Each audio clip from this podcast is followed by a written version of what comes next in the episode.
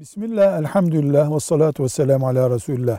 Bir Müslüman maişet sıkıntısı geçiyor, geçiriyor. Ne demek maişet sıkıntısı geçirmek? Yani kazandığı yetmiyor. Bu durum onu Allah'ın sevmediğini mi gösteriyor?